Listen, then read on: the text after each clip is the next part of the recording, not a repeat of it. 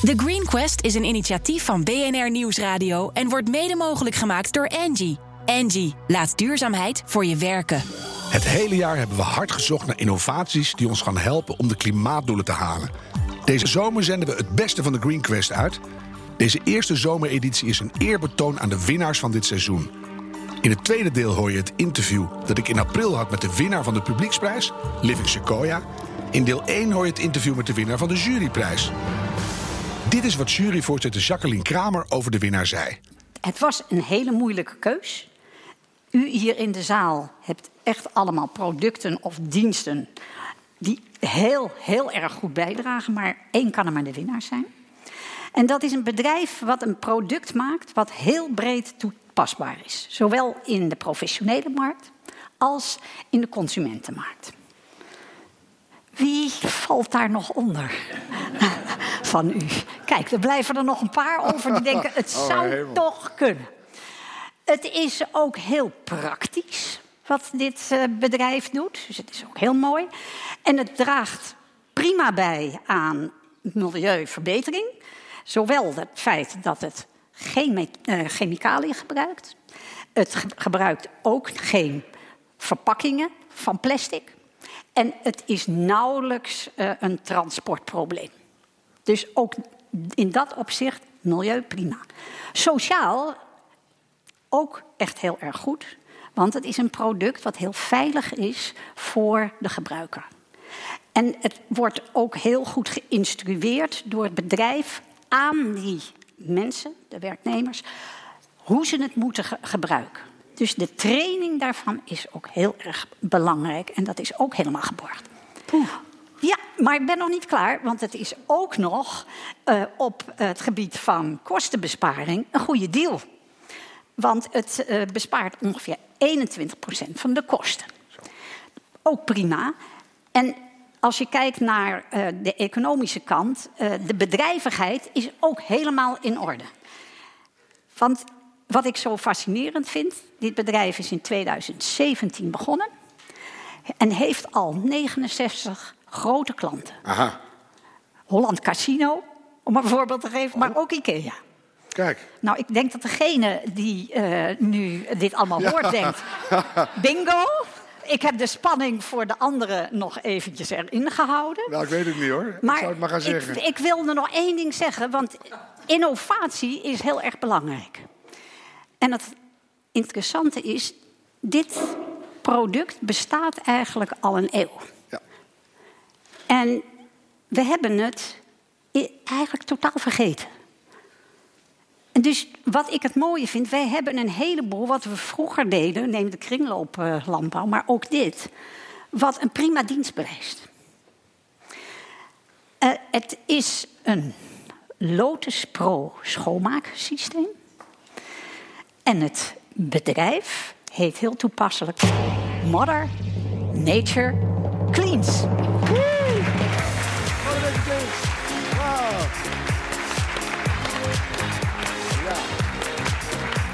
Ja, Kimberly Roosmar, oprichter van Mother Nature Cleans. Jij gebruikt gestabiliseerd ozonwater als alternatief voor schoonmaakmiddelen. Zullen we maar beginnen bij het begin? Wat is gestabiliseerd ozonwater? Ja, hele goede vraag. Eh, eerlijk gezegd, toen ik drie jaar geleden begon, moest ik ook even de scheikundeboeken er weer bij pakken. Hoe zit het ook alweer? Eigenlijk wat het is, het is een, eh, een systeem dat zet eh, koud leidingwater om tot ozonwater. Ehm, uit het water worden eerst alle kalk en mineralen eh, gefilterd. En vervolgens zit er een filter in het systeem die de zuurstof uit de lucht haalt. En met elektriciteit wordt zuurstof omgezet tot ozon. Als je in de zomer echt zo'n onweersbui hebt gehad en je komt buiten, heb je bepaalde geur in de lucht. Dat is ozon. Ehm, ozon is een gas, geproduceerd dus door moeder natuur zelf. Eh, een oxidant, wat eigenlijk simpel betekent dat het geurtjes, eh, schimmels, bacteriën eh, doodt. Dus het is een hele sterke reiniger. Dus Het actieve zuurstof eigenlijk. ja, exact Ja. geladen. En eh, dat ozon dat in het systeem wordt geproduceerd, wordt eigenlijk toegevoegd aan het gestabiliseerde water, waardoor de ozon 24 uur actief blijft. En dus alle dagelijkse schoonmaakproducten vervangt als wat je al zei, je alle allesreiniger, je glasreiniger, ja. vloerreiniger, et cetera. Jij studeerde ook maar hogere hotels. Je bent geen chemicus. Hoe ben je er ooit opgekomen?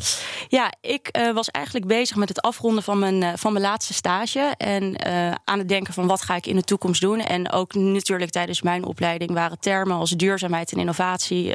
ja, die werden veel gebruikt. En eigenlijk zoveel gebruikt dat ik er een beetje moe van werd. Want wat is dat dan nou eigenlijk? Mm um, ik had over deze technologie gelezen. En eigenlijk dacht ik, weet je, ik ga hier eens een onderzoek naar doen. Wat is het? Kunnen we echt schoonmaken zonder dagelijkse producten? dus ik ben naar Las Vegas gevlogen. Um, en daar ben ik twee weken met de schoonmaak meegelopen om toch eens te kijken hoe werkt dat. En eigenlijk was ik zo ongelooflijk enthousiast. Uh, schoonmaakindustrie was voor mij volledig nieuw. Uh, maar eigenlijk doordat dat zo nieuw was, kon ik met mijn uh, redelijk naïeve blik een feasibility studie uh, opstarten. En was die uitkomst zo positief dat ik gelijk ben gestart met, met Mother Nature Cleans. Ja, nou zei het zelf al, in, in Las Vegas wordt het al gebruikt. Ook in Europa zijn er al marktpartijen met ozonwater bezig. Wat voor unieks breng jij dan in jouw product nog? Uh, in principe kan iedereen ozonwater produceren. Want wat ik net zei, het is in, in, in, in theorie is het zuurstof, elektriciteit en water. Mm -hmm. maar ozon vervliegt na 15 minuten. En het feit dat wij het water kunnen stabiliseren, de, ja, de magie gebeurt echt in die stabilisatie uh, van het water, kunnen wij het 24 uur lang actief houden. Dus dat hebben jullie toegevoegd? Exact. Aha, en dan kan je het dus gebruiken thuis en op het werk. Exact. Voor onze Green Quest is natuurlijk het allerbelangrijkste: wat doe je voor de klimaatdoelen? En daarvoor moeten we dan eigenlijk eerst weten hoe smerig zijn die bestaande schoonmaakmiddelen. Sillet, bang en weg is de biodiversiteit. Hoe, hoe erg is het?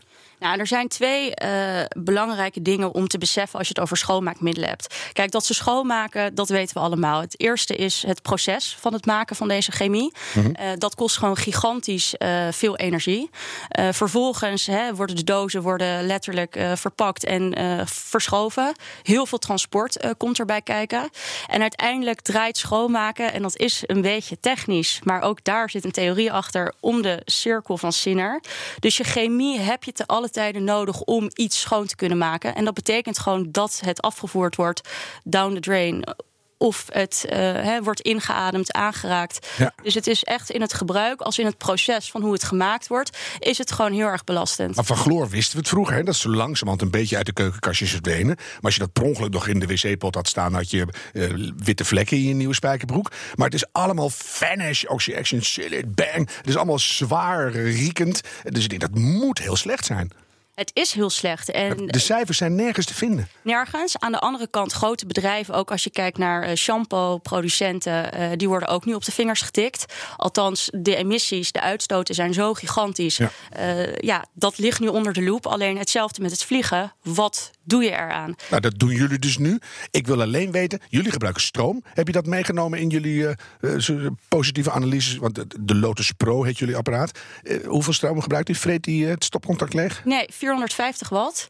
En het mooie aan het systeem is, is dat het 8 liter gestabiliseerd ozonwater per minuut produceert. Dus het systeem staat eigenlijk max een minuut, twee minuten, afhangende van hoe groot het schoonmaakteam is, staat het maar aan. Dus het is eigenlijk een dispenser aan de muur, waar het energieverbruik heel erg laag is. Plus je gebruikt het eigenlijk één keer per dag heel kort. Dan laat je het even op en heb je heel veel liter ja. cleaningspul. En dan kan je al die flessen, die hele schappen supermarkt, die kan je dan gewoon uh, laten staan. Zoals elke week heeft een van onze juryleden een vraag voor jou. En deze week is dat Gerben-Jan Gebrandi, Europarlementariër van D66. Luister goed. We hebben bij uh, gezien dat verf op waterbasis een heel mooi product was, maar dat het uh, nogal wat uh, vergde om schilders zover te krijgen om het te gebruiken.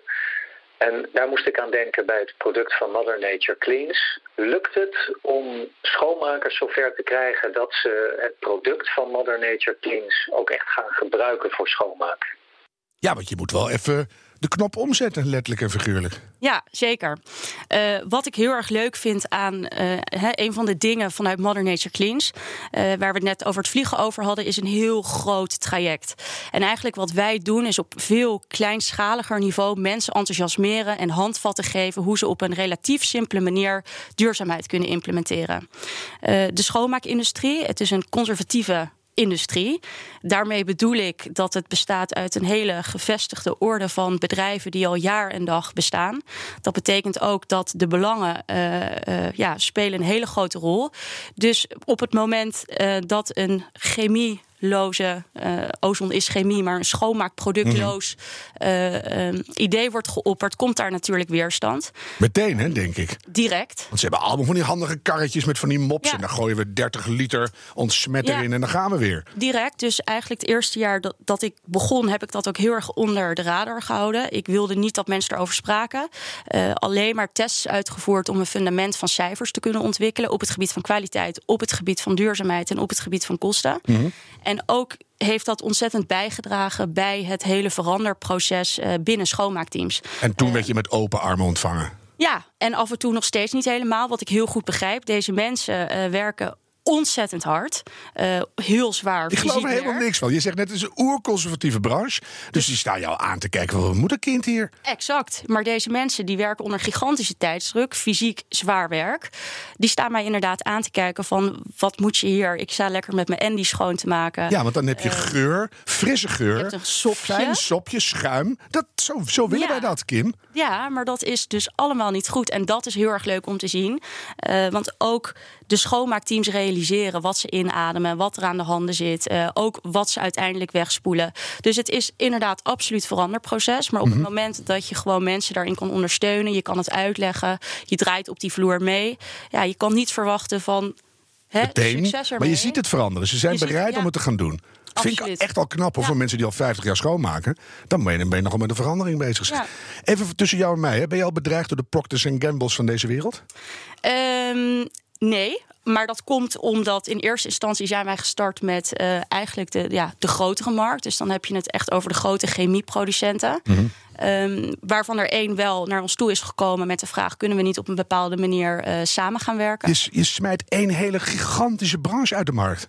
Ja, Die zijn niet blij met je. Nee, alleen hè, waar wij het voor de uitzending al even over hadden. eh, schoonmaken draait ook om een stukje chemie. En dat heeft met pH-waardes te maken. Het ozonwater vervangt de dagelijkse producten. Eh, maar de periodieke producten, die blijven gewoon bestaan. Dus De, de roestverwijderaars en de ontkalkers heb je toch nog nodig. exact. Ja, is maar een tiende van Procter Gamble. Ik denk dat ze boos op je zijn. nou, moeten we maar aannemen dat het werkt. Hè. Dat heb je vast heel goed getest. Je hebt inmiddels de pilotfase af. En je hebt IKEA als klant. Vind ik gigantisch. En Holland Casino. Wat zijn de lessen die je hebt geleerd voor de komende jaren? Alles draait zo erg om, ehm, om focus. Eh, het kunnen begrijpen wie je tegenover je hebt staan. En wat nogmaals, wat ik gewoon ontzettend belangrijk vind, is dat we samen daadwerkelijk een stukje beter kunnen doen. Alleen moet je die handvatten zo concreet mogelijk brengen. Want de duurzaamheid, de innovaties, het is vaak een extern eh, een middel waarin mensen moeten geloven. Waardoor intrinsieke motivatie af en toe ontbreekt. En op het moment dat jij mensen kan enthousiasmeren en in jouw verhaal mee kan nemen, ja, dan is die focus super belangrijk. Maar je cijfers ook. En je, en je kan gewoon laten zien dat het werkt. Ja. Ik zou zeggen, poets lekker verder. Kimberly Roersma van Mother Nature Cleans. En eh, we houden je in de gaten. Stel je eens voor dat we huizen niet meer van steen en beton maken... maar van organisch materiaal. Living Sequoia maakt prefab huizen van hout. Begin deze zomer kwam onze spannende zoektocht tot een ontknoping... en deelden we tijdens de Green Quest Award Show de prijzen uit. Voor de publieksprijs konden mensen digitaal en fysiek stemmen. De stemmen werden natuurlijk bij elkaar opgeteld... en Living Sequoia bleek de winnaar. In april sprak ik Ralf Verhaag en Björn Koenen... mede-eigenaren van Living Sequoia. Everybody knows that wooden houses are for children, doggies, and weirdos who live in the backwoods. So, has wood come into fashion? Hmm. Since when did it ever fall out of fashion? And so the lumber from such trees gives us a wood that has the same enduring qualities. In Panningen aan de Beekstraat wordt het duurzame woonhof Domaine Belcourt gerealiseerd. Het woonhof heeft een houtbouwmethode die niet veel in Nederland wordt toegepast. The world's biggest and oldest of living things continue to live in our use of them just as they continue to live and grow in our forests today.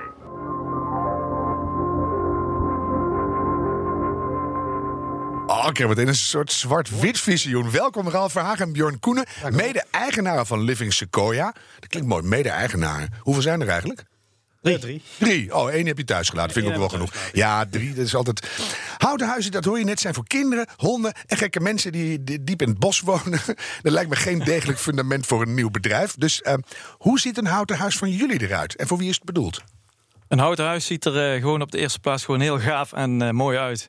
Je kunt het bijna niet zien dat het een houten huis is. Want het lijkt heel veel, zoals je gezien hebt op de film, op een gewoon nieuwe of op een traditionele woning in, in steen gebouwd of in beton. Dus aan de buitenkant zit ook iets bij jullie. Ja. voor, voor wie is het bedoeld?